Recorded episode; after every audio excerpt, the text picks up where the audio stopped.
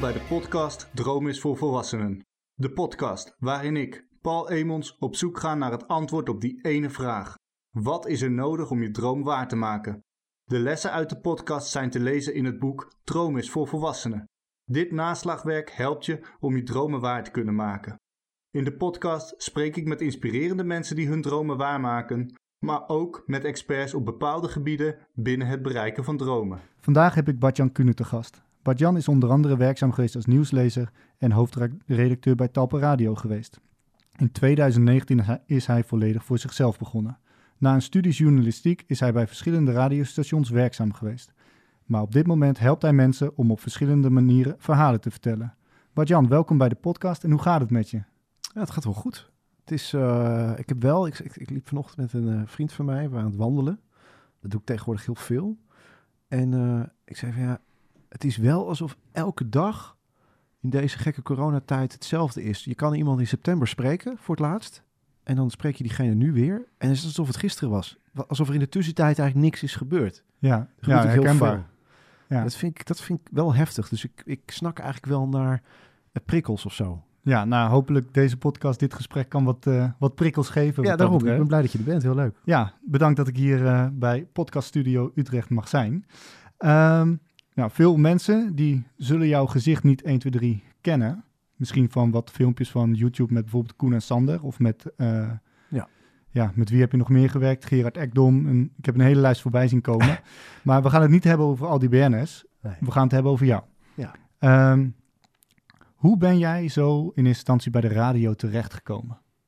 Um, dat is, um, nou, hoe ik er ben terechtgekomen, het is eigenlijk een, een, een, een aaneenschakeling geweest van toevalligheden, mijn leven. Hoewel je ja. als je terugkijkt kan afvragen hoeveel is het toeval. Maar um, ik weet nog dat ik uh, op de basisschool zat en we waren verhuisd naar Gelderland.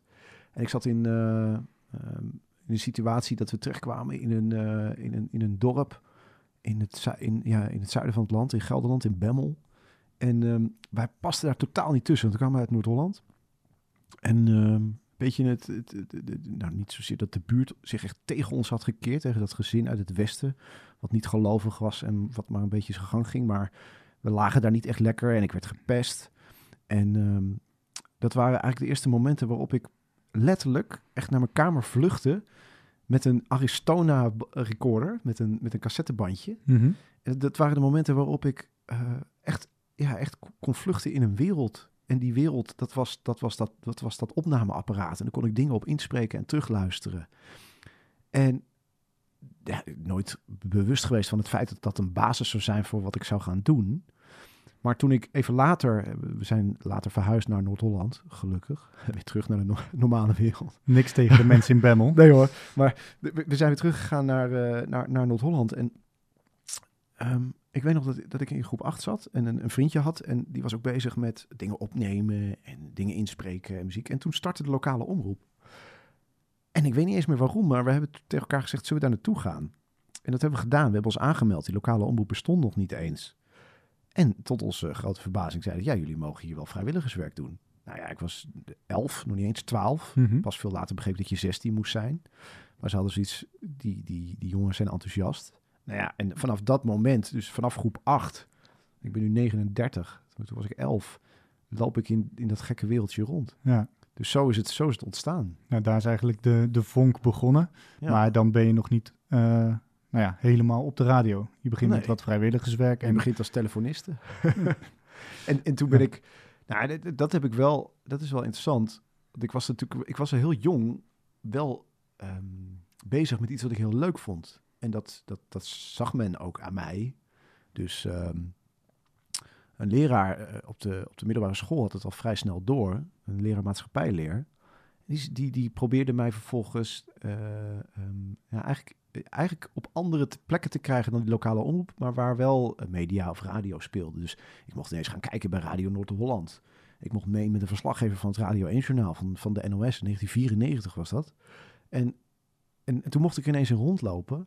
En dat gaf me zoveel energie en enthousiasme dat ik toen al wel wist van ja, dit is, dit is de kant die ik op wil. En dat was ook Ja. de reden dat ik uiteindelijk me heb aangemeld bij BNN toen, uh, toen die omroep startte en jong talent zocht. En uiteindelijk journalistiek ook ben gaan studeren. Ja, en je zei dat je er energie van kreeg. Was dat dan ook het gevoel wat jou eigenlijk over de streep trok van ja, deze kant die moet ik gewoon volgen? Ja, op dat moment werd ik er gewoon, ik werd er heel blij van. Ik kreeg heel veel energie. Ik voelde me heel erg thuis in die wereld. Um, pas veel later, wat ik heb um, op mijn, uh, ik heb op een gegeven moment heb ik een burn-out gekregen. Dat is nu twee jaar geleden. Toen kwam ik erachter dat die hele wereld, die hele radiowereld voor mij eigenlijk een vlucht was. En uh, een hele plezierige vlucht. Ik heb er heel veel lol aan beleefd. En ik heb ook heel veel, heel veel uh, energie uitgehaald. Maar daar was ik me op dat moment helemaal niet van bewust. Het hielp me echt om daarin rond te lopen. Om mezelf te worden, om mezelf te vinden. Om af te rekenen met dat pestverleden.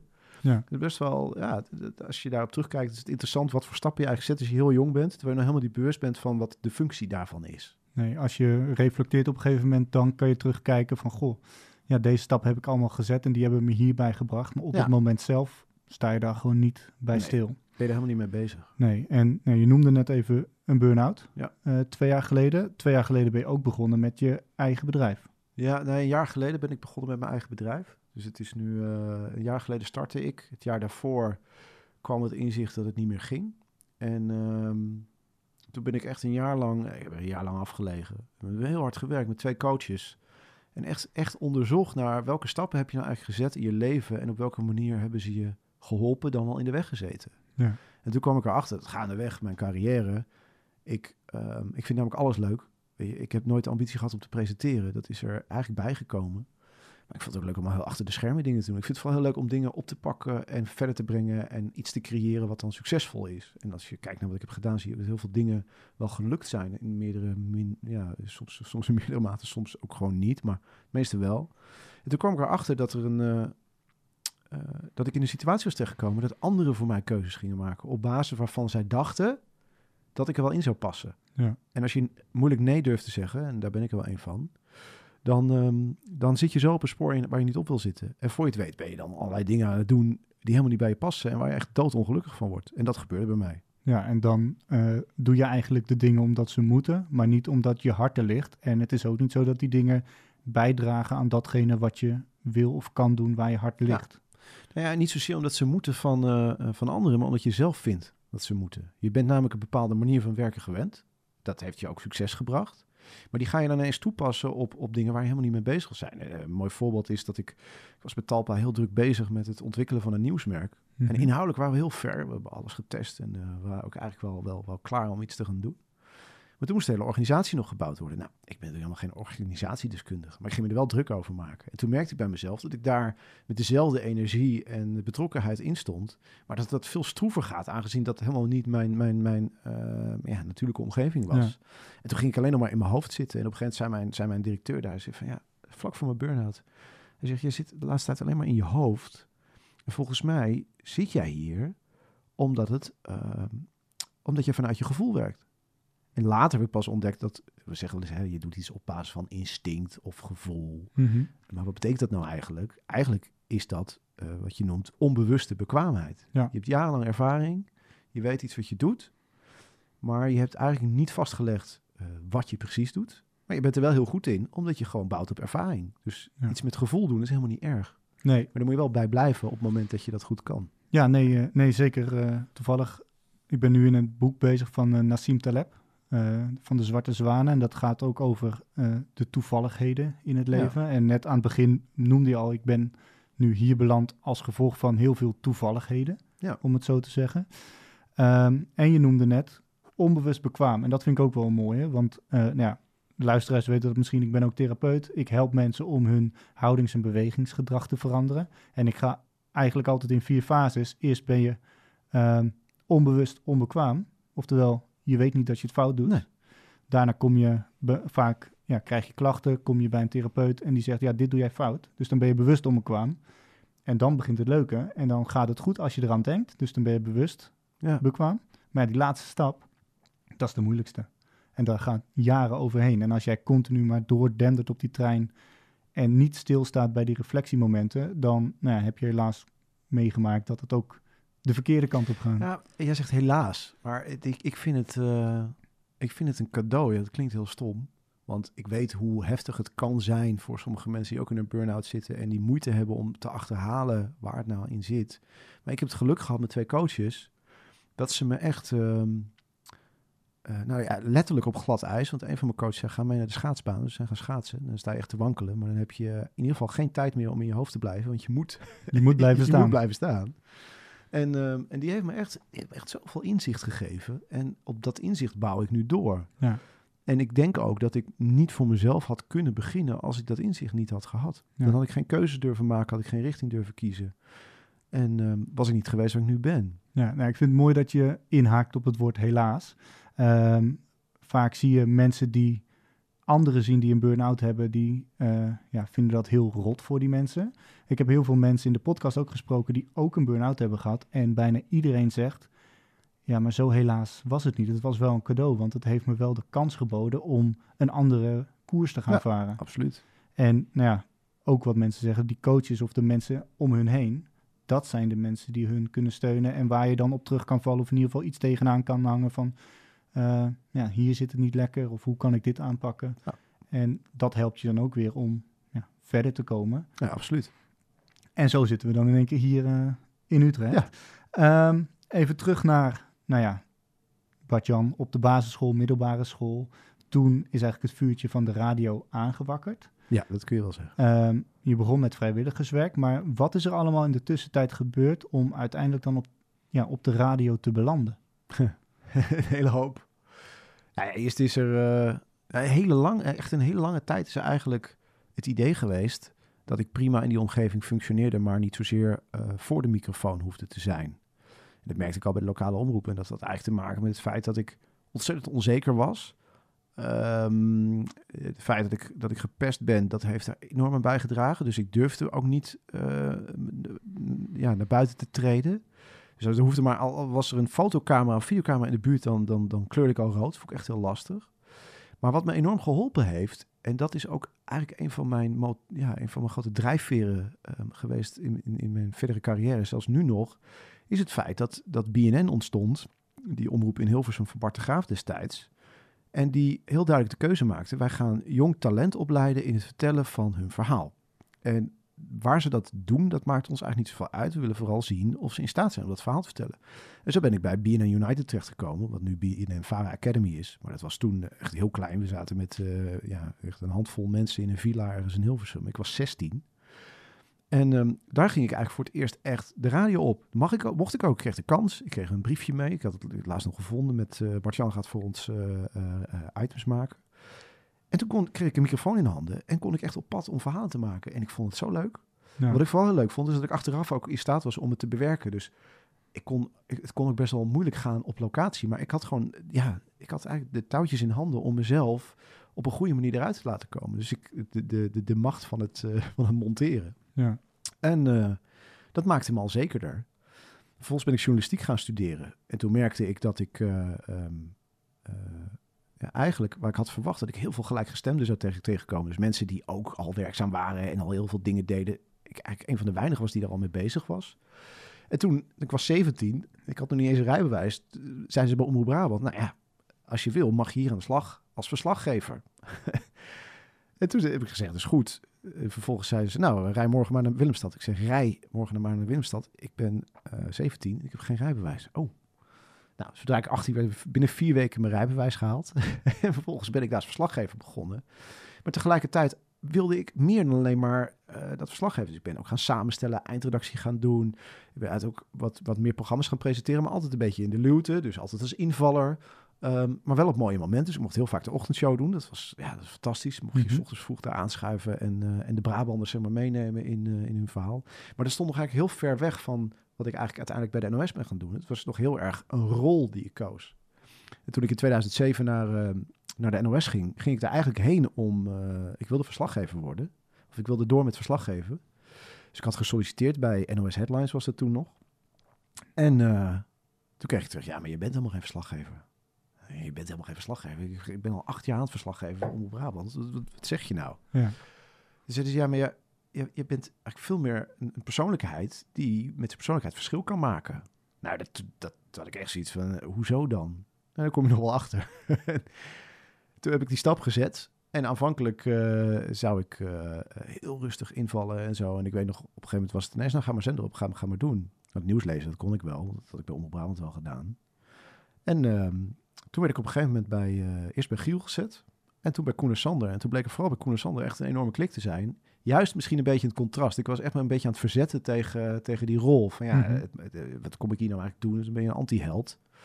En op een gegeven moment had ik dat wel door. En toen begon ik er ook echt lol in te krijgen van... hé, hey, ik kan hier vanuit die rol... ehm, eigenlijk zit ik op de stoel van de luisteraar.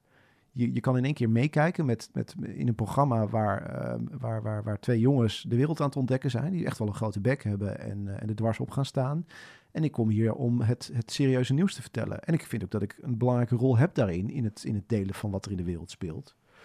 Dus geef me die ruimte en ik neem jullie wel mee in het nieuws. En dan gaat het niet zozeer over mij, maar over de manier waarop ik het verhaal vertelde. En toen ontdekte ik dat ik zelf heel goed daartoe in staat was. En toen ben ik wel redelijk, ja, redelijk galant als presentator.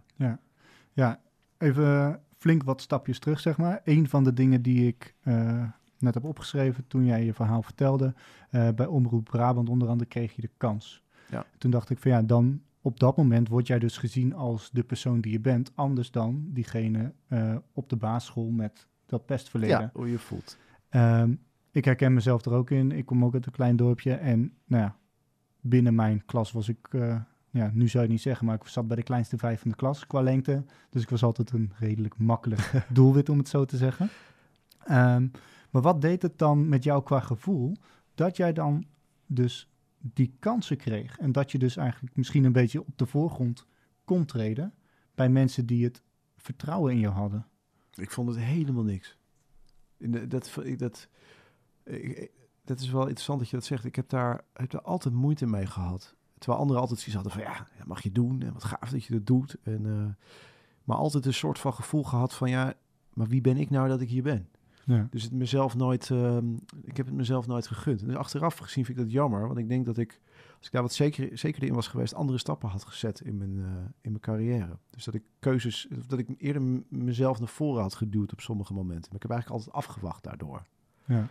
Maar goed, dat is zoals het gegaan is. En ehm, ehm, ja, dat, dat, dat, dat, waren best, dat waren best onzekere momenten. Maar dan leer je ook wel dat als je. ehm, eh, ik ben wel altijd bezig geweest met dat onzekere gevoel. Dit heb ik wel altijd gedeeld, in ieder geval met mijn vrienden en, eh, en, en mijn partner. Dan leer je wel dat, eh, dat het niet altijd terecht is om zo onzeker te zijn. Ja. En dat je soms ook gewoon een positie mag hebben of een positie mag bekleden. Simpelweg omdat je competent bent, omdat je het kunt. Ja. Nou ja, dan moet je het wel waarmaken. Maar goed, dat is, eh, dat is gewoon hard Ja, werken. en dat is ook stap 2. Ja. In principe stap 1 is dat je het besef hebt dat je het ook gewoon Ja. kan. En dat je dus ook die plek inderdaad verdient. Heeft dat dan ook nog een bepaalde rol gespeeld in die periode tot aan jouw burn-out? Want je zei net dat je heel veel taken toebedeeld kreeg, omdat anderen eigenlijk dachten dat dat bij jou Ja. paste. Jazeker. Ja, want dan vind je dus, oké, ik mag dus dit doen, maar daar hoort misschien ook wat minder leuk werk bij. Dus Ja. dan ga je al snel zeggen, dan doe ik dat ook. Terwijl ik nu heb geleerd dat als jij eh, ergens goed in bent, of je hebt een, ergens ligt je kracht, dat het juist misschien nog wel krachtig is om ook te erkennen dat op sommige gebieden eh, je kracht niet ligt. Ja. En dat je daarin dus kan samenwerken. En wat ik super interessant vond, was dat op een gegeven moment een van mijn coaches zei van ja, je bent altijd bezig geweest met het manifesteren van jezelf. Dus ehm, ehm, eh, maar op de voorgrond treden door, door je verhaal te vertellen. Misschien gaat het nu wel veel meer om connectie. Ja. Dus, dus, dus sta je ook op een andere manier in je omgeving. En dat is wel waar, want, want, want nu ik dat erken en onderken en dus ook anderen inschakel voor dingen die ik zelf niet kan. Althans, ik vind dat zelfs moeilijk om te zeggen, maar er zijn dingen die ik niet kan. Ja, je, je werkt veel meer samen. Dat is heel grappig. Ik ben nu zelfstandig ondernemer, maar ik werk meer samen dan ooit voor mijn gevoel. Ja. ja, dat is wel grappig dat je dan dus eigenlijk in de loop der jaren merkt van nou, ik ben niet in staat om alles te doen, Nee. maar dat is ook oké. Ja. En vooral dat gevoel van het is oké als jij denk ik je droom wil bereiken of ergens naartoe wil. Ehm, ja, je moet ervoor werken, maar soms is werken ook delegeren. Ja. En dat voelt Nou, het, heel is, het, krom. het is echt ehm, eh, heel goed en scherp kijken naar waar zit nou mijn toegevoegde waarde en waar kan de ander het alleen maar beter maken. Ja. En dat is, ja, dat is, betekent dus dat je dingen uit handen moet geven en dat je dus ook met dingen die je creëert. eh, en dat is veel vaker een probleem voor creatievelingen, hè, dat je iets maakt en dat iemand anders eraan gaat zitten. Mhm. vind, ja, het is mijn product toch? En mijn gevoel. Maar het is juist veel mooier om te zeggen van, nou, nee, laatst, ik heb laatst een podcast gemaakt. En daar heb ik een, eh, een, een, een, een componist bij betrokken. Nou, de, de, de energie en passie waarmee, eh, waarmee hij aan de gang is gegaan, Rudy, Rudy Mackay. Ja, waanzinnig. Ik, ik krijg er nu heel veel energie van, ook om, om, om, om dat groter te maken. Laten zien dat andere mensen ook echt super toffe dingen doen. En eh, Ja, ik hoor het ook in je stem en je lichaamstaal, die zegt het ook al. Je veert meteen op ja, ik vind dat heel leuk. die energie te laten zien. Ehm, nou ja, en in jouw bedrijf eh, zeg je eigenlijk ook, en wat ik ook op social media of LinkedIn zag, je helpt mensen om verschillende, op verschillende manieren verhalen te vertellen. Ja. Is dat dan ook waar je de afgelopen jaren ehm, bewust van bent geworden dat dat is waar jij blij van wordt en jouw kracht ligt? Maar we zijn eigenlijk heel erg opgevoed met de vraag: wat wil je laten worden? Hè? En dat, dan, dan moet je een soort van kader geven met wat je laten wil worden. Ja. Maar op het moment dat je keuze maakt, zit je dus ook in een frame. En dan, ben je, eh, dan zit je letterlijk in dat hokje. Ja. En op het moment dat je in een hokje zit, gaan mensen dus ook voor jou beslissen wat je in het hokje doet. En ook heel erg waar de grenzen liggen van dat hokje. Ja. En daar ben ik me nooit bewust van geweest tot, nou eigenlijk ook weer, het is echt wel een sleutelmoment geweest, die burn-out. Er op een gegeven moment werd gezegd van ja, oké, stel nou dat dit straks over is, wat ga je dan doen? Ja. Ik zeg, ja, nu vraag je mij, wat ga je dan doen? Ja, allemaal dingen, ik ga dit doen, ik word dit en ik word dat en ik word dit. Je zet die stippen op de horizon En eigenlijk. zei diegene tegen mij, maar ja, waarom doe je dat nou? Ik zeg, ja, omdat jij mij vraagt, wat ga je doen? Ja, maar ik vraag toch niet aan jou om dat in te vullen?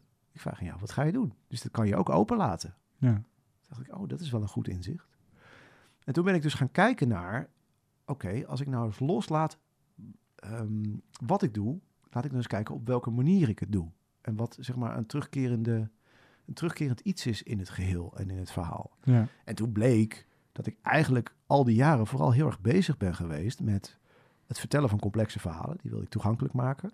Ik heb geleerd hoe je het complexe verhaal toegankelijk maakt. Ik heb ook geleerd hoe je omgaat met onzekerheid. En eh, eh, vooral ook met jezelf daarin. Want ik geloof de grootste, de, de, ja, de, de, de, de grootste drempel die je tegen kunt komen als presentator, dat ben je toch echt zelf. En eigenlijk ging het altijd om ja, het vertellen van verhalen. En dus om het besef dat ik het ook heel leuk vind om met anderen te werken. En toen dacht ik, ja, waar komt het nou eigenlijk op neer? Nou, ik vind het vooral heel erg leuk om anderen te helpen met het vertellen van een verhaal. En het is zo breed als het is. Dus eh, op het moment dat jij eh, eh, ehm, ehm, moeite hebt met spreken, of je nou nieuwslezer bent, of je moet voor een groep staan, of eh, je moet een keer een presentatie doen, je vindt het lastig, dan- kan ik je helpen. Want ik, ik, ik ken wel wat basiselementen van presenteren. Maar op het moment dat je zelf niet in staat bent, of dat je het niet wil, omdat je erkent dat het je kracht niet is, kan ik het ook voor je doen. Ja. Dus ik kan ook voice-overs doen. Ik heb laatst dus een podcast gemaakt. Mensen een, een, een, een, een verhaal wilden vertellen. waarbij ze zelf zouden te zoeken naar wat is nou de beste manier om dat te doen. En dan doe ik het voor ze. Dus het is echt, ehm, het is echt super breed. En Ja. dat is heel erg leuk. En dan ben je de ene dag ben je bezig met een presentatietraining. En de andere dag maak je een podcast. Maar ik ben bijvoorbeeld ook een, een beleidstuk aan het schrijven voor, eh, voor, voor, voor, de, voor een bestuursorganisatie binnen, binnen de publieke omroep. Ja. Want omdat ik hun daar ook weer, weer mee help met hoe zorgen we er uiteindelijk voor dat die hele grote groep die daaraan vasthangt, eh, vasthangt op een betere manier hun verhaal. Ja, ja, we hadden het net in het eh, klein stukje voorgesprek hadden we het zeg maar ook over social media en dat je alleen de buitenste laag ziet eigenlijk. Ja. Maar het verhaal wat je nu vertelt laat eigenlijk zien dat überhaupt het vertellen van verhalen, dat is zo breed. Ja, En nou ja, ik denk altijd als je je verhaal wil vertellen, dan heb je een klein stukje kwetsbaarheid erin zitten. Want oh jee, wat kunnen mensen ervan vinden? Ja. Nou, daar heb je die drempel eigenlijk meteen van. Als je die gedachte hebt, dan kan het je heel goed eigenlijk tegenhouden om daadwerkelijk die drempel over te gaan. is een basis in mijn training dat eh, het besef dat juist die kwetsbaarheid die je bij je draagt, dat daar vaak, als je dat kantelt en op een andere manier bekijkt, dat daar je kracht zit. Ja. Op het moment, en dat heb ik zelf ervaren, op het moment dat je, ik merk het nu ook hè, ik had hier een verhaal kunnen houden van ja, eh, succesvolle carrière zo. En ik heb nog, nog niet gedeeld met anderen aan publiek dat ik een burn-out heb gehad. Maar het is wel mijn verhaal. Ja. En op het moment dat ik dat met je deel, vertel ik mijn verhaal en niet een verhaal zoals ik zou willen dat anderen me zien. Ja. En, en dat is, probeer, probeer ik ook bij anderen duidelijk te maken. Ehm, als, het, als het intrinsiek is, het komt echt uit jezelf en het heeft je geholpen en, en, en je kan het ook bewijzen dat, eh, dat het je heeft geholpen. Wat is er dan op tegen om het te delen? Ja. Maar wat is er vaak mis met kwetsbaarheden dat mensen moe- moeilijk vinden om te delen? Soms is het een confrontatie met iets wat ze gewoon niet goed doen. Ja. En moeten ze eerst erkennen dat ze dat niet goed doen. Ja, En, en dat is, dat is heel moeilijk. en dat is heel lastig. Ja, Dus, dus ja, je kan gaan schreeuwen als een, als een peuter. Van, eh "Oh, dat ben ik niet, eh, weet even wat. Of je kunt het erkennen en omarmen en, en, en accepteren dat het bij je hoort. Of je gaat eraan werken. ja, ja een eh, oud docent van mij die zei ooit, je moet het verduren op dat moment. Je moet het gewoon niet willen reageren. Je moet gewoon even, ja, echt letterlijk je mond houden, even slikken, het laten indalen Ja. en daarna pas verder. Dus even dat reflectiemoment. Nou, ik zeg heel vaak als iemand mij iets vraagt. eh, ik wil er echt, eh, ook een goede, grote opdracht. Ik wil er gewoon een nacht over slapen. Ja. En dan eh, ook heel erg vanuit gevoel. Hè? Dus waar sta je mee op de volgende dag? En eh, dat verduren. Dus dat is, dat is een beetje, denk ik, dat, dat, dat, dat, dat moment wat, je, wat dan verstrijkt. Dat gebeurt dan. Dan Ja. gebeurt van alles in je systeem. En ook als je dus voelt dat het iets niet is, probeer wel uit te zoeken eerst wat het dan niet is. Voordat je nee Ja. zegt of dat je ja zegt. Maar of voor hetzelfde gaat zeg je ja tegen iets wat helemaal niet bij je past. Ja, precies. En ik vond net wel mooi wat je zei. En dacht, dacht, nou, daar wil ik toch nog even wat over weten. Ook al gaat het veranderen even een klein stukje de andere kant op. Je zei net dat je niet aan, aan publiek, zeg maar, het verhaal van jouw burn-out hebt gedeeld. Nee. Hoe was dat dan nu om dat eigenlijk, ja, we hebben het hier niet over gehad dat we het überhaupt in, deze, in dit gesprek Ja, over een burn-out zouden hebben? Ook helemaal niet van tevoren bedacht. Nee. Hoe was Nee, ja. dat om dat dan te doen? Nou ja, ik, ik ben kennelijk nu in staat om het te delen. En er Ja. gewoon over te praten. En, eh, en, en het te accepteren als iets wat bij mij hoort en wat me ook verder heeft geholpen. En eh, ze zeggen, wel, ik, ik- geloof heel erg in dat eh, momenten dienen zich vanzelf aan. En ook als je iets wil en iets heel graag wil. Kijk, je kan echt wel je schip op koers leggen. Maar wil helemaal niet zeggen dat je er bent. En dan is het gewoon een kwestie van varen. En op een gegeven moment kom je er wel. Of niet. Ja. En dan ben je op een andere plek. Maar je bent in ieder geval onderweg. Ja. Ja, en dit komt nu voorbij. Dus ja, zo, Ja. zo be Ah, it. dankjewel voor het, eh, voor het delen. en wat je zegt, ja, het is bijvoorbeeld makkelijker om een trein gaande te houden dan hem in gang te brengen. Ja. En dat is denk ik ook met heel veel. Je moet wel de dingen blijven doen. Wil je ergens naartoe gaan of ergens naartoe komen? Wat je eigenlijk ook zegt van ja, vanaf het begin dat radio mij tof leek, wat in eerste instantie een vlucht was vanuit de basisschool, Ja. heb je daarna wel die stappen gezet om uiteindelijk nu nou ja, hier met mij die podcast op te nemen. Ook al is dat denk ik niet, dat is meer een zijroute of zo, dat je schip even een Dat andere was niet het doel op zich hoor. Nee. maar ik vind het wel leuk dat je er bent. Nou ja, en ik vind het vooral interessant dat er ehm, eh, ook interesse is in mijn, mijn drijfveren en wat er, wat er achter zit. Ja, Dat vind ik heel leuk. Ik bedoel, het gaat veel minder om wat ik doe, maar veel minder om waarom ik het doe en op welke manier ik het doe. ja. En ik hoop dat anderen daar wat aan hebben, want anders zou ik, ja, dat is leuk, maar mensen die me kennen, kennen dit verhaal. ja precies. En nou, we hopen dat we de mensen die jou wat minder goed kennen, dat die ook nog wat Ja, kunnen hebben ze er wat aan. En nou, je zei net eigenlijk van, ik was vroeger, en dan gaan we een klein stukje terug, altijd bezig met de wat, zeg maar, van het doen. Ja. En tijdens die coachen sessies ben ik er vooral mee bezig geweest met de hoe. Dus hoe Ja. doe ik het? En dan denk ik, maar de waarom vraag. Hm. Waarom doe je dan bepaalde dingen? Ja, dat is wel interessant. Ik denk dat je de waarom-vraag op het moment dat je ermee bezig bent eigenlijk nooit kunt beantwoorden. Het is heel grappig als ik interviewtrainingen geef, zeg Mhm. ik eigenlijk ook altijd: haal die waarom-vraag eruit. En waarom? Ga je weer. Omdat je dan dat, dat is vaak iets wat je pas achteraf kunt beschouwen. Het is een aanname dat je dat voelt op dit moment zoals het is, maar is het ook echt zo? Als ik nu terugkijk op die hele periode waar ik die ik heb afgelegd en de weg die ik heb afgelegd, nu ben, kan ik nu pas zeggen waarom Ja. dingen zo zijn gegaan. Maar ehm, eh, het gaat echt om inzicht, vind ik, waarom. En eh, dat krijg je alleen maar door, door, ja, door te studeren en erachter te komen en te reflecteren en, eh, en dat soort zaken. En misschien weet ik het eigenlijk nog wel helemaal niet. Ben ik nog steeds bezig met waarom. En dat is ook prima. Ja, dat, dat denk ik wel. Ja. ja, en dat is denk ik wat mensen ook wel vergeten. Vaak willen ze iets en dan moet het eh, gisteren gebeurd zijn. Ja, Maar het is gewoon een traject. En soms heb je een stukje onzekerheid. Dan heb je wel een gevoel van ik zou graag deze kant op willen. Maar terwijl, als je, ja, terwijl als je iemand vraagt, wat maakt... eh, nou, als ik aan jou vraag, wat maakt het nou zo leuk dat je, dat je dit doet? Of wat maakt nou dat je deze podcast wil maken? krijg ik een heel ander antwoord dan als ik aan jou vraag, waarom maak je deze Ja, podcast? ja, ik heb toevallig in mijn boek ook geschreven de waarom-vraag. Ik heb er een haat-liefde verhouding mee, Ja. want het is een goede directe vraag, maar hij is aanvallend. Terwijl als je zegt wat maakt dat, Ja. dan is het een begrijpende versie van dezelfde vraag. Ja, en ik ben een audioman, hè. En wat of hoe vraagt altijd om een beeld.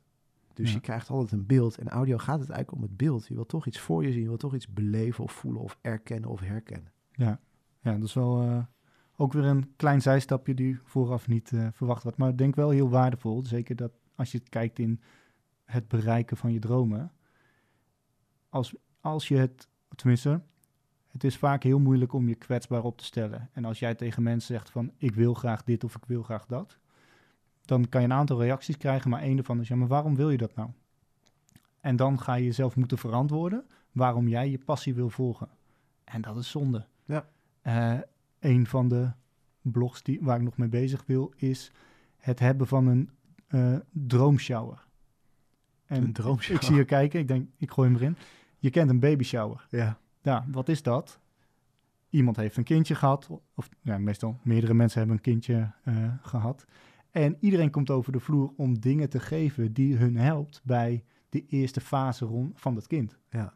Maar waarom hebben we niet een droomshower of een bedrijfsshower op het moment dat iemand met zijn of haar passie begint? Maar je maakt er meteen een product van. Dat vind ik wel heel mooi. Dus je gaat het meteen in een, verpakking gieten. Nee, dat, dat niet zozeer. Maar als je, uh, stel dat jij nu tegen mensen zegt van ik wil graag een nieuwe podcastserie beginnen over dit en dit. Mm -hmm. Dan heb je nu natuurlijk een goed netwerk. Ja. In mijn geval, ik zei van ja, ik wil graag een podcast beginnen, want ik wil graag wat meer body aan mijn boek geven. Mm -hmm. Dan kunnen mensen zeggen van ja, maar een podcast, waarom zou je dat doen? Ja. Maar ze kunnen ook zeggen, oh, als je dat wil doen, dan is dit misschien een toffe gast voor je. Die kan je benaderen. Of ik kan wel vragen of die misschien interesse Ja. heeft. Op die manier steun krijgen om je droom te bereiken, is veel waardevoller dan dat mensen zeggen, ja, maar waarom? Ja, dat is waar. Dat kun je organiseren. En ik denk dat het, het je, jezelf kwetsbaar opstellen daarin een hele belangrijke is. Pas op het moment dat je hulp vraagt, krijg je hulp, hè? Ja, ja als je geen, niet om hulp vraagt, weten Nee. mensen niet dat je hulp nodig hebt. Dan gebeurt er helemaal niks. Sterker nog, er zijn mensen het idee van, ah, die jongen denkt dat hij alles zelf kan. eh, hij zoekt het maar uit Ja. met zijn podcast. Was dat vroeger bij jou dan ook, dat je moeilijk om hulp kon vragen? Ja. Ja, dat, dat, dat deed ik niet. Gewoon niet. Ik vond dat je het zelf moest oplossen. En dat is, eh, dat is vind ik achteraf een hele slechte beslissing geweest. Dat ik, dat ik er zo in heb gestaan. En, ehm, maar op het moment dat je daar, daar, daarin zit, dan ben je, ook, ben je ook niet, sta je ook niet open voor anderen. Dus die bereik je ook niet met dat verhaal. Nee. En toen ik dat inzicht kreeg, ja, dat, is, eh, dat, is, dat, dat, is, dat is een heel mooi cadeau geweest. Op het moment dat je om hulp durft te vragen, dan gaat de wereld echt open. Ja, het klinkt dan heel cheesy, maar het is echt zo. Ja, nee, dat eh, helemaal mee eens. En nee, je begon net eh, dit verhaal, of tenminste dit verhaal, deze podcast, na mijn vraag, hoe gaat het met je? Van ja, elke dag is hetzelfde. Ja, nu wel even, ja. Ja, want we zitten natuurlijk nog steeds al bijna, ja, letterlijk bijna een jaar in de corona-situatie. Ja. Ehm, heb jij in dit jaar dan ook nog hulp gevraagd om jouw dagen anders te maken? Nee, dat niet. Omdat ik inmiddels best goed in staat ben om mijn eigen dagen in te richten. Overigens is dat ook een van de belangrijkste eh, afwegingen geweest om voor het zelfstandig ondernemerschap te kiezen.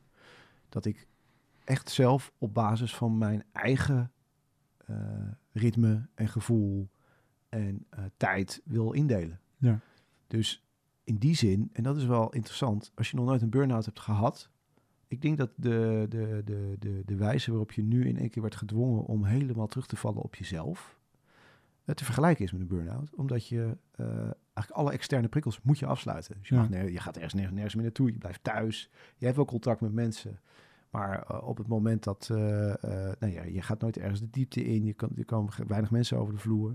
Dus eigenlijk op het moment dat ik weer naar buiten wilde en, eh, en echt connectie wilde maken, werd mijn periode nog even verlengd. Ja. En er zit nog steeds middenin. Maar ik heb wel in het jaar wel geleerd dat ehm, het moment dat je alleen voor staat, in die zin, je dus ook helemaal zelf kan bepalen hoe je het leuk maakt. Ja. Ja, en dat is heel fijn. Dus ik spreek met vrienden af. Als ik af en toe wil wandelen, dan ga ik, ga ik er naartoe. Ga naar buiten. Je wordt heel creatief ook. Ja. Lees veel. Ehm, ik vind het heel leuk om creatieve concepten eh, te bedenken en te doordenken. Dus ik heb eigenlijk nog geen dag gehad. Ik dacht van, eh nou, ik ben er wel klaar mee Ja. of zo. Nee, dat is wel, nu je dat zo zegt, denk ik, ja, ik had met Marco Martens een gesprek. En nou, toevallig, hij heeft, ja, misschien niet toevallig, maar hij heeft ook een burn-out gehad. En hij is ook voor zichzelf begonnen. Ook net voor de corona kwam eigenlijk, is hij voor zichzelf begonnen. En nee, je zegt het zelf, ik ben nu ongeveer een jaar Ja, zelf de dag dat Rutte, Rutte eh, de boel dichtgooide, had ik 's ochtends mijn eerste training buiten de deur. Dat is mijn Ja. eerste opdracht. Hoe, hoe was het dan om te beginnen, eigenlijk? Of ja, net begonnen te zijn. terwijl in één keer eh, het land op slot Ja, gaat. bizar. Want ik zat ook nog eens, vergis je niet, in de, in de Premier League van, eh, van de journalistiek. Dus, Ja. dus eh, of de Champions League. Wat, wat ik speelde elke dag op hoog niveau. Mensen van de ANP, met, met, met de NOS, alle partijen hadden contact mee. Dus, dus er gebeurden twee dingen. Eén, ehm, ik had mijn eerste opdracht en de vraag was even, oké, en nu? Want iedereen ging naar huis en thuiswerken. En de tweede was dat er op, op heel hoog niveau een journalistieke wedstrijd werd gespeeld. Namelijk, wat is er in godsnaam aan de hand? Wat gebeurt hier en wat betekent dat voor de samenleving? Ja. En ik zat thuis op de bank. Dus ik moest wel even eh, bedenken, hoe, wat ga ik hiermee doen? Ja. En toen heb ik twee dingen bedacht. A, ik wil... eh, ik had wel zoiets, ik wil heel graag door met, eh, met, met, met, met, met het... Ik gaf een training aan de redactie van nu.nl. Ik dacht, ik wil heel graag door. Alleen wel onder mijn eigen voorwaarden. Want ik zit hier nu niet in, in, als zelfstandig ondernemer... om weer een, door een andere partij te laten bepalen welke stap ik moet zetten. Ja. Dus een van de dingen die ik heb bijvoorbeeld... Ik ben gaan onderzoeken van wat is voor mij een prettige virtuele omgeving. Iedereen zat in Teams en Hangouts en, eh, en Zoom. Maar ik dacht, ja, dat is eigenlijk een voortzetting van je dagelijkse praktijk. Dan Ja. zit je, daar zit je al in en dan kom ik om een training te geven en dan zit je daar weer in. Dus wat doet dat met de aandacht? Dus ik ben op zoek gegaan naar een andere virtuele omgeving, heb ik kunnen vinden. Ik heb gekeken naar wat zijn mijn collega- oud-collega's aan het doen, dus andere hoofdredacteuren. En die ben ik gaan interviewen. Dus ik ben gaan kijken van, goh, eh, wat doet eh, Mark Veningen eigenlijk, mijn oud-collega op Hart van Nederland? Een, een interview met hem gedaan. Van hoe speel je deze wedstrijd en hoe ga je mee om? Wat betekent het eigenlijk voor jezelf? Want, want, want jij zit ineens ook vanuit huis je redactie aan te sturen. Dus een artikel geschreven, dat wilde ik op LinkedIn plaatsen. En ik heb het aan iemand laten lezen. Die zei, maar ja, dit, dit, is, dit, is, dit is interessant, ook misschien wel voor meer mensen. Waarom ga je niet eens praten met het Stimuleringsfonds voor de Journalistiek? Staat artikel aangeboden. Ja, wat gaaf. Waarom maak je niet een serie?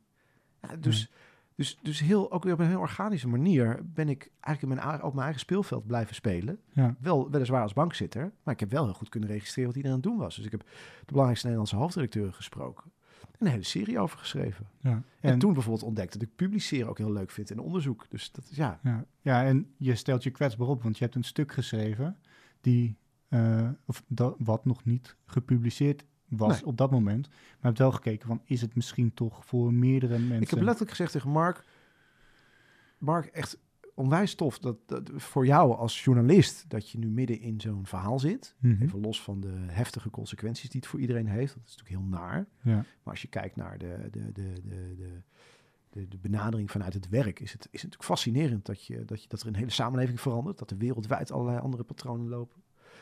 En ik, zeggen, en ik zit thuis op de bank. En ik wil aangehaakt blijven met wat er gebeurt. Ik zeg, Ja. ik ga no way nu weer op een redactie zitten. Dat, dat, dat, die tijd heb ik wel gehad. Maar ik wil het wel vangen. Ja. Dus zei, nee, ik zeg, mag je, mag je er wat vragen? Ze is goed. En toen Gert Jaap van nu.nl zei ook, ja, ik vind het alleen maar leuk. Dus, dus, dus, dus, dus, dus, dus interview me. Dus die gesprekken. Ja, dat, is, dat is heel, heel erg... eh, is een vies woord, zalvend geweest. In die zin dat ik prima in staat ben als ik alleen ben. En er gebeuren grote dingen om aan, aansluiting Ja. te vinden. En eh, ja, ik, ja, het was Ja. eigenlijk een heel goed jaar wat dat betreft. Ja. Zoals eh, nou, Marco Martens zei, een vogel vertrouwt op zijn vleugels en niet op de tak waar die op zit.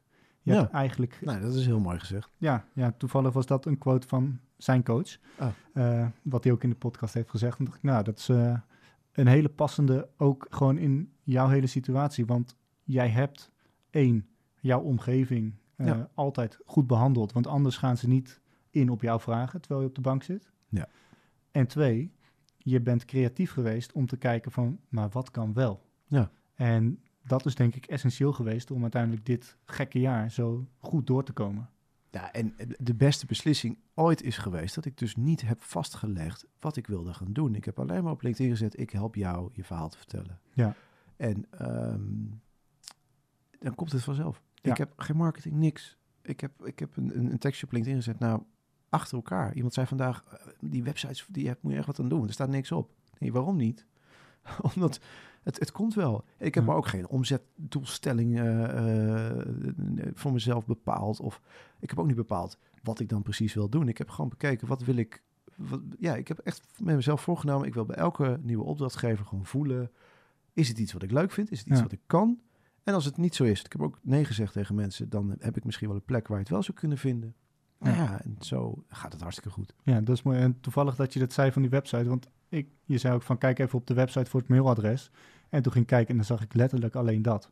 Ja. Ik dacht van, eh, zit hier een fout in de site of zo? Maar nee, Dat is alles. mooi dat je dat zegt. Want, Ja, maar ik doe ook een belofte. Hè. Je komt dan op me. Ik heb nu inmiddels niet meer een mailadres staan, maar, maar mijn LinkedIn profiel. Op mijn LinkedIn profiel staat ook: je kan me altijd een bericht sturen. Je krijgt reactie. En Ja. het is- ik heb mensen gehad die, die, die- nou ja, waar, waar andere mensen van zouden zeggen van, nee, ik ga je echt niet helpen. of Maar ik sta voor iedereen open. En, en ik wil helemaal niet zeggen dat ik je kan helpen, maar ik weet altijd wel een, een manier. Of, Ja. ja. ja, een een vriend van mij die zegt dat je hebt overal mannetjes voor. ja, dat klinkt alsof En- je, alsof je Alsof je alles kan delegeren. Of als je een loodgietersbedrijf hebt die, eh, die alles wel oplost, dat is ook waar. Soms is het antwoord ook van, ik weet het niet of ik kan je Nee. niet helpen. Maar ik probeer altijd vanuit de inhoud te helpen. En als ik het gevoel heb van, hé, hey, hier, zit, hier zit connectie. Ik vind het ook leuk om met iemand te werken. Of ik vind het Ja. echt een opdracht. Ik denk van, oh, dit is best wel complex. Maar eigenlijk als ik ermee op mijn bek kan gaan, dan vind ik het wel, Ja, dan, dan eh, vind ik het wel leuk. Nou ja, daarover gesproken op jouw LinkedIn staat dat je een aantal succesvolle blijvertjes eh, daaraan hebt meegewerkt. Ja. Maar ook een aantal projecten die faalden. Ja. Heb je voorbeelden van die eh, nou ja, faalverhalen? Oh, je wil natuurlijk ook horen, wat is er, wat is er niet gelukt? Nou, ik heb eigenlijk wel één, één voorbeeld van ehm, een verhaal waarvan ik vind dat het niet is gelukt. En dat is het Talpa-nieuws, wat we van plan waren om te gaan doen. Ja, waar je het al eerder over had. Ja, dat, dat, dat, dat was wel een beetje de kers op de taart, wat mij betreft. Omdat daar alles waar, waar ik de afgelopen jaren had gewerkt, kwam erin samen. Dus een bepaalde journalistieke formule, bepaalde werkwijze, ook mensen om mee te werken, redactiestructuur, het hele idee wat erachter zat.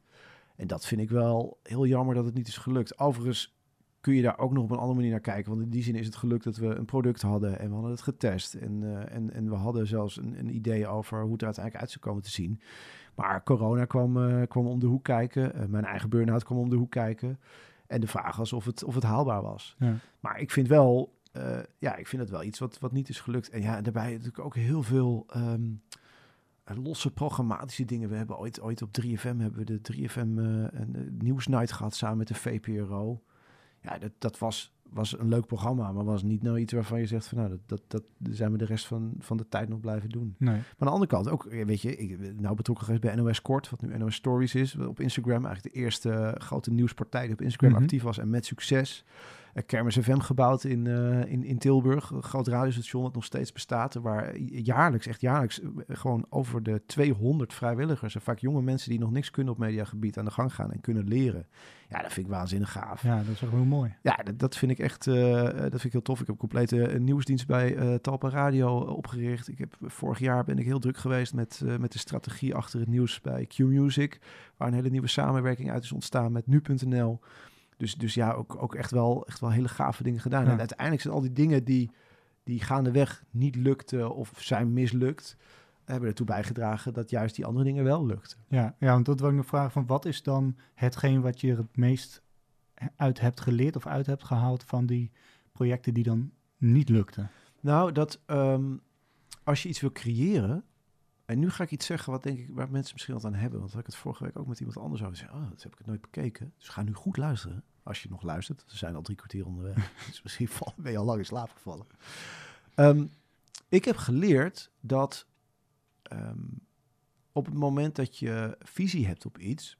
En je wil iets creëren dat je ervoor moet waken dat je niet in je eindproduct gaat rondlopen en dat je daar blijft hangen. Dus dat je het al helemaal voor je ziet. En Ja. ik heb echt in de situatie gezeten, ook met Talpa Nieuws, dat we letterlijk al stoelen aan het intekenen waren op een vloer. En dat is fantastisch, het is heel leuk. Maar daarmee zie je niet de eerstvolgende stap die je moet zetten. Ja, Dat verblindt enorm. En wat is het risico als je continu alleen maar het, het, het, het, het, het eindresultaat voor ogen hebt?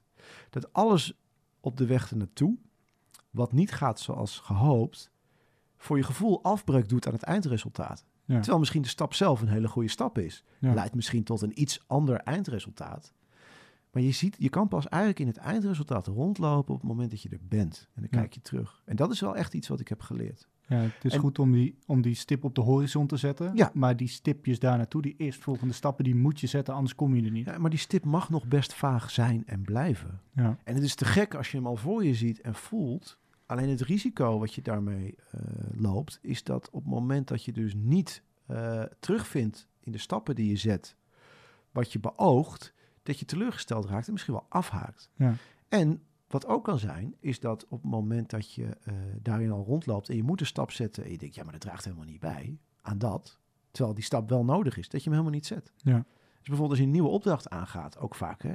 Oh, het is veel te omvangrijk, of dat kan ik helemaal niet aan. Terwijl als je kijkt naar de eerstvolgende stap die je moet zetten, is bijvoorbeeld, nou, in het geval van een podcast, is een brainstorm. Ja. Nou, dat kan. Ja, dat Nou, is een nou, de haalbaar. Nou, de brainstorm ga je eens nadenken over welke gasten gaan we regelen. Maar dat kan ook. Ben ik in staat om dat in mijn eentje voor deze hele productie te doen? Misschien hulp nodig? Hey, dan kun je Ja. hulp vragen. Volgende stap zou kunnen zijn, ehm, we gaan opnemen. Ga ik het zelf doen? Ga iemand, als je het opdeelt, is het veel makkelijker. Ja. Dan dat je in één keer zegt, nou, we gaan 16 afleveringen maken over, eh, over, over, over kwantummechanica. Ja. Ja, dan denk je al, ja, Hoe dan? ja. Nee, maar eh, dit is gechargeerd. Maar snap je wat ik bedoel? Die eerste volgende stap en daarnaar kijken. En dat is wat ik... Dat is een hele wijze les ge- geweest. En, en als je dat begrijpt en voelt en snapt... dan kun je eigenlijk best wel veel aan in Ja. je eentje. Ja, nee, het opdelen in kleine hapklare brokken, dat is gewoon essentieel. Wil je je droom waarmaken, denk ik. Ja. En wat die volgende stap is, dat is gewoon heel belangrijk. Want En wat is dan je droom, hè? Want dromen kan ook zijn van... eh, droom je over eh, de erkenning? Of droom je over het product? En ik heb ook geleerd dat eigenlijk eh, het creëren... dat is de droom. ja, Dus het bezig zijn met iets vormgeven wat uiteindelijk iets wordt. En het eindresultaat kan dan best iets zijn waarvan je denkt van... "Mwah." Maar als de weg er naartoe goed is geweest... en je hebt de stappen gezet zoals je wilde zetten... Ja, dan Ja. neemt niemand je meer die droom af. Hè? nee, zeker. En je weet ook niet waar het goed voor is. Dus wat heb je, wat kan je meenemen in een volgend project of in Ja. een volgende droom? Ehm, net zei je iets, toen dacht ik, ja, daar moet ik nog wat over vragen. Je zei net al dat je bij, eh, tenminste met nu kort was, of NOS kort, Ja. ehm, dat je die, ja, eigenlijk de nieuwe media, de social media en dergelijke, dat je op die manier ermee eh, ook, ja, eigenlijk de verhalen meer vertelt. Nou, je bent al een aardig wat jaartjes werkzaam in de journalistiek. Ja. En er is heel veel, dat kan iedereen beamen, heel veel veranderd. Het is veel sneller geworden allemaal. Mhm. Hoe ben jij daarin, eh, ja, daarmee omgegaan? Hoe heb je jezelf daarin ontwikkeld? Nou, al die tijd is één ding hetzelfde gebleven. Namelijk dat je als journalist, vind ik, de rol hebt... om complexe verhalen toegankelijk te maken voor iedereen. Ja. En dat is een belangrijk uitgangspunt. En ongeacht het platform waar je ook zit, is dat het verhaal. Als jij iets brengt op een platform en de ontvanger snapt het niet, heb je je werk niet goed gedaan. Ja. Dus dat is iets wat terugkomt. Wat ik daarnaast heb toegevoegd en wat ik heb geleerd, omdat ik zowel voor publiek gefinancierde media als commerciële media heb gewerkt, is dat je wel iets moet maken waar mensen op zitten te wachten. Of als ze er nog niet op zitten te wachten, dat je onderzoekt of het mogelijk een oplossing voor ze kan zijn. Dus productdenken. En ik denk dat we, eh, als je kijkt naar hoe de, hoe de journalistiek zich ontwikkelt, en dat vind ik eigenlijk een hele goede ontwikkeling, wordt er veel meer gekeken naar product. Dus er wordt veel meer eigenlijk vanuit de klant, de klantreis, allemaal vieze woorden uit de marketing. Maar het werkt wel om uiteindelijk betere journalistiek te kunnen bedrijven. Want op het moment dat jij in staat bent om een verhaal bij je publiek neer te leggen, dat mensen willen weten of horen, zijn ze ook veel sneller geneigd om erop te reageren. Ja. Als jij hebt, ge- hebt georganiseerd dat je die reactie ook kunt ophalen, kun je op basis van die reactie alleen al zoveel meer nieuwe verhalen maken die gewoon goed aansluiten op wat je publiek wil. Ja, dan kun je echt, kun je echt hele mooie, eh goede dingen doen. Ja, ja echt het, ja, het brengen van het verhaal op de manier waar die moet zijn. Dat is gewoon, denk ik, ook essentieel ook in het bereiken van je dromen. Want jij kan iets heel graag willen en daarin moet je zelf ook wel de stappen zetten. Maar als je hulp nodig hebt, is het wel handig dat de mensen die je nodig hebt snappen welke hulp en waarom je die nodig hebt. Ik las gisteren een uitspraak van iemand die zegt: ehm, iemand die helder denkt, of iemand, eh, hoe kan je verwachten van iemand die niet helder schrijft, dat hij wel helder denkt? En dat is het een beetje, hè? Dus eh, op het moment dat jij in staat bent om duidelijk een verhaal te vertellen en het helder over te brengen, dan heb je aansluiting en kun je dus Ja. ook ophalen. En het ophalen, hè, eh, of je nou een product maakt, of dat het over jezelf gaat, of de- persoonlijke reflectie, dus eigenlijk dat data gedreven, of het gaat om, om, om je journalistieke product of over je persoonlijke functioneren, of om je relatie. Je kan alles op die manier bekijken. Ja. En als je maar open staat voor wat de ander zegt en er wat mee doet. Tenminste, Ja. met het functionele gedeelte ervan. Want soms is het ook gewoon jaloezie of onzin. Of, Ja. Dat kun je toetsen. Ja, hoe ga je daarmee om eh, met bijvoorbeeld jaloezie? Mensen om je heen die denken, nou Bart-Jan, het is wel heel leuk wat jij allemaal doet. Dat wil ik eigenlijk ook. Ehm, in plaats van dat ze dan die vraag stellen, dat ze daar op een soort jaloersmakende eh, manier mee omgaan. Bedoelt dat ze a- dat afwijzend reageren. Bijvoorbeeld, ja. Nou, ik heb heel lang niet gezien dat er, dat er soms uh, kift of afwijzing of jaloezie kan zitten in een afwijzing. Dus op het moment dat je een afwijzende reactie krijgt, dat daar iets achter, anders achter zit. Dat het niet zozeer aan jou ligt, maar dat het vaak bij diegene zelf ligt. Ja. Dus op het moment dat ik zo'n reactie ervaar, Ehm, probeer ik altijd wel uit te vragen ehm, hoe het zit, waar die, waar die reactie vandaan komt. En dan niet zozeer op, uh, zou je het ook willen of ben je jaloers? Maar probeer ik gewoon naar de motivatie te vragen waarom iemand ergens in staat. Maar ik probeer juist vaak um, kansen te creëren, juist voor die anderen ook. Van, van, van, van doe gewoon mee en, en kijk dan wat jij eraan kunt hebben. Ja. En ik moet zeggen dat ik eigenlijk daar de laatste tijd ja, weinig weerstand vind, te vinden op, dat, op die plek. Ja. Nou, dan doe je iets goed. Ja, weet ik niet.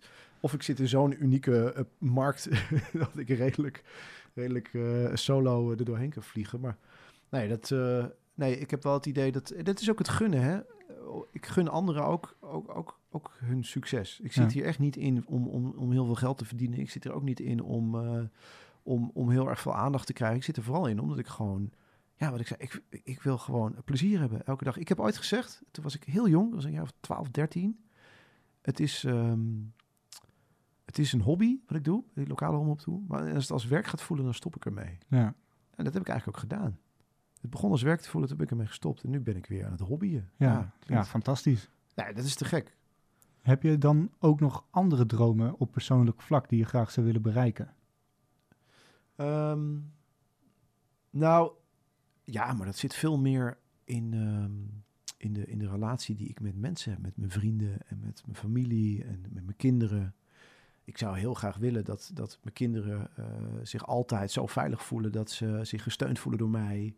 En dat ze, ja, dat ze altijd durven terug te komen bij, bij mij of, uh, of mijn partner om, om om hulp te vragen.